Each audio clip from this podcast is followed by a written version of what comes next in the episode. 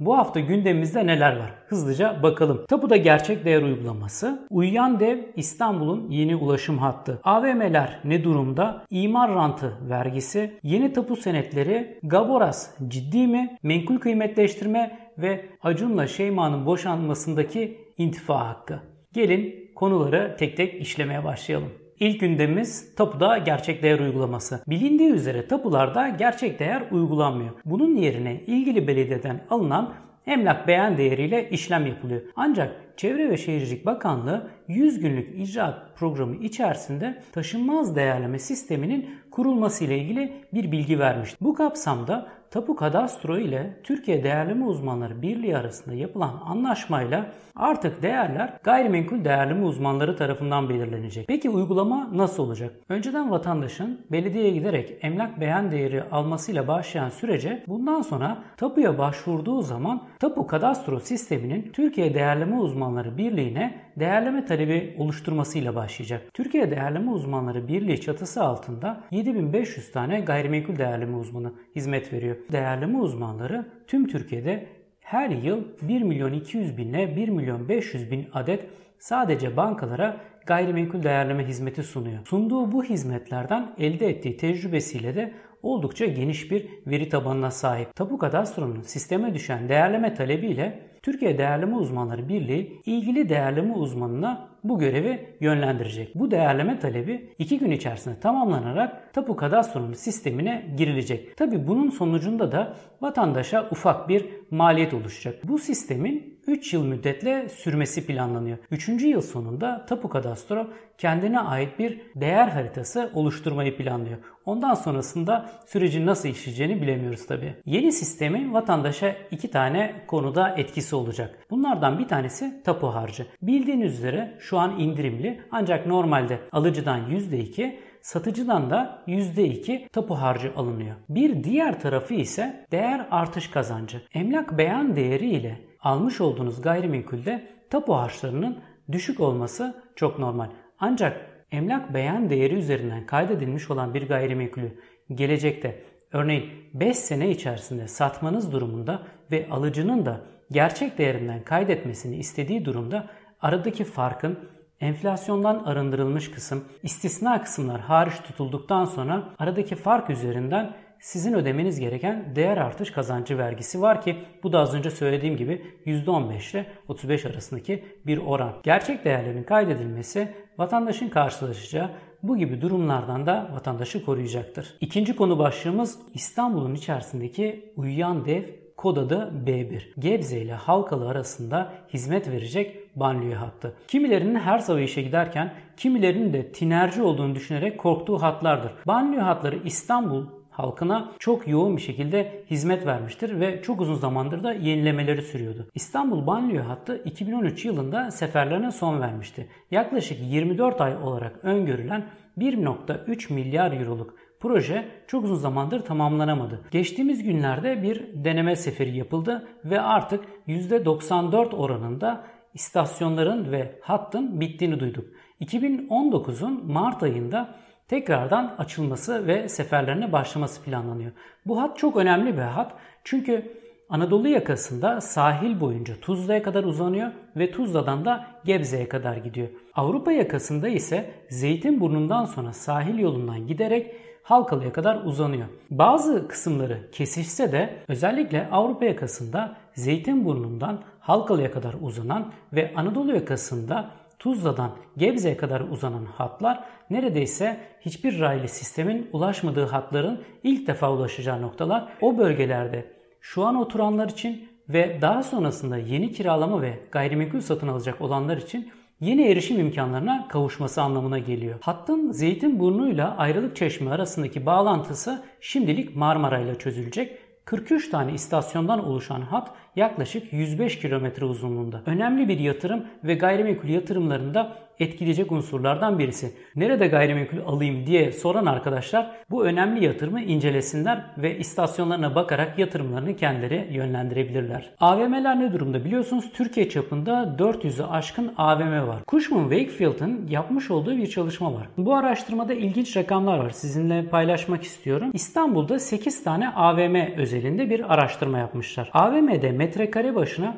15.000 TL ciro yapıldığını, en düşüğünde ise cironun 6500 TL olduğunu gözlemişler. Bunu AVM metrekaresi yerine kiracı bazında bakıldığında ise metrekare başına 42 bin lira ciro yapıldığını gözlemişler. Kiranın ciroya oranı yani o dükkanın yapmış olduğu ciroya karşılık ödediği kira oranının ise Avrupa ortalamasında %14.3, Türkiye'de ise %14.5 oldu. Yani Avrupa ortalamasıyla ortalama gittiğini görüyoruz. Bu şu anlama geliyor. Kiracıların elde ettiği cironun 6,5'ta birini kiraya ödediklerini ancak bu oranın 5'te 1'e düştüğü zaman bir işletmenin zor duruma girdiğini söylüyor. Örneğin 100 bin lira ciro yapan bir işletme 5'te 1'ini yani 20 bin lirasını kiraya verirse o operasyonu sürdürmesi mümkün olmuyormuş. Yine yapılan araştırmada metrekare kirasının bu 8 AVM'de 45 euro olduğunu tespit etmişler. Dördüncü konumuz imar rantı vergisi. Uzun yıllardır konuşuluyordu. Hep gündeme geliyordu. Ne olacak acaba uygulanacak mı diye yoksa bu bir söylenti mi diye geçiyordu. Ancak 2019 yılı Cumhurbaşkanlığı yıllık planı içerisinde yer alıyor. İmar rant vergisi nedir? Bir arsaya ait imar planlarında yapılacak olan değişiklikler ya da revizyonlar dolayısıyla oluşacak olan değer artışından artık vergi alınması planlanıyor. Önceden bir arsanın 500 metrekare yapı yapılabilir alan sunması, daha sonrasında imar planında revizyon ya da değişikliklerle 500 metrekareden 1000 metrekareye çıkması durumunda gayrimenkulün değerinin iki katına çıktı ve bu durumda da oluşacak aradaki farktan vergilendirilmesi, imar rantı vergisi alınması planlanıyor. Peki vergilendirilmesi nasıl yapılacak? Oluşturulacak olan komisyon bu değer tespitini yapacak. Bu durumda iki tane gayrimenkul değerleme şirketinden alınacak raporun aritmetik ortalamasından bu değerin düşük olmaması öngörülüyor. Bu da karşımıza çıkacak yeni vergilendirme alanlarından birisi olacak. Beşinci konumuz yeni tapu senetleri. Tapu senetleri Tapu Kadastro'nun yapmış olduğu çalışmayla yenilendi. Geçtiğimiz aylarda bir karekod uygulaması yapmıştı Tapu Kadastro. Tapuların üzerinde artık karekod bulunuyor ve vatandaş telefonuyla tarayarak ilgili ada parsel bilgilerine ulaşarak gayrimenkulün konumunu rahatlıkla bulabiliyordu. Bunlardan birisi taşımızın projesindeki net metrekaresi ve brüt metrekaresi. Tapu senedi sahibi vatandaşlara dairelerin metrekareleri sorulduğu zaman tapunun üzerindeki metrekareye bakarak metrekareyi söylerlerdi. Ancak o metrekare arsanın metrekaresiydi ve bu metrekare bilgisine maalesef ulaşamıyorlardı. Yeni uygulama vatandaşların net ve brüt metrekareyi görmelerini sağlıyor. Bir diğer yenilik ise taşınmazlara verilen kimlik numarası. Aynı vatandaşlık kimlik numarası gibi tüm Türkiye'de tek olan bir taşınmaz numarası veriliyor. Bu sayede artık tapuların üzerinde il ilçe ada parsel bilgilerine gerek olmadan taşınmaz kimlik numarasıyla taşınmaza ilişkin tüm bilgilere Tapu Kadastro'nun internette yayınladığı web sitesi üzerinden erişebilmek mümkün olacak. Tapu Kadastro'nun deyimiyle vatandaşın ihtiyacı olmayan bilgileri artık tapunun üzerinden kaldırdıklarını ve vatandaşın daha fazla ihtiyacı olan yeni bilgileri koyduklarını söylüyorlar. Yeni ihtiyaçların senetlerin içerisine eklenmesi de çok faydalı olmuş. Altıncı konumuz Gaboras ciddileşiyor mu? 46. hafta videosunda Gaboras'la ilgili bilgi vermiştim. Geçtiğimiz hafta içerisinde Müsiyat Expo'nun kapanış töreni yapıldı. Törende Cumhurbaşkanı da Gaboras sistemine değindi, önemsediğini söyledi ve yurt dışına açılmak için önemli bulduğunu söyledi. Bu bize şunu düşündürebilir. Acaba TOKİ müteahhitleri ve Gioder müteahhitlerinin ellerinde şu dönemde satmakta zorlandıkları gayrimenkulleri Gaboras aracılığıyla yabancı yatırımcıya açmak ve onları şu anki içinde bulundukları durumdan bir nebze kurtarmayı mı planlıyorlar? İleride Gaboras'la ilgili olan gelişmeleri ve bu uygulamaları planlıyorlar mı gerçekten göreceğiz. Yedinci konumuz menkul kıymetleştirme. Bildiğiniz üzere Türkiye'de alınan ipoteklerin menkul kıymetleştirilmesi yapılmamıştı. BDDK geçtiğimiz hafta içerisinde bankalara bir yazı gönderdi. İki gün sonrasında ise SPK Türkiye Kalkınma ve Yatırım Bankası'nın 3.2 milyar liralık varlığa dayalı menkul kıymet ihracına izin verdi. 4 bankanın elinde bulundurduğu ipotekleri menkul kıymetleştirmesi sağlanılacak. Bu 4 tane bankadan 3 tanesi kamu bankası, Halkbank, Vakıfbank ve Ziraat Bankası 1 milyar TL ile bu portföyün içerisinde yer alacak. Garanti Bankası da bir habere göre 150 milyon TL, bir habere göre 250 milyon TL ile yer alacak. Bu sayede Kalkınma Bankası menkul kıymet karşılığında bankaların bunu göstererek likidite elde etmesini sağlamış olacak. 8.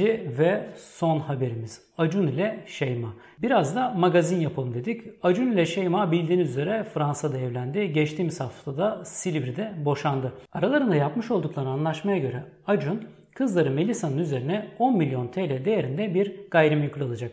Ve alınacak bu gayrimenkulün üzerine de bir intifa hakkı konulacak.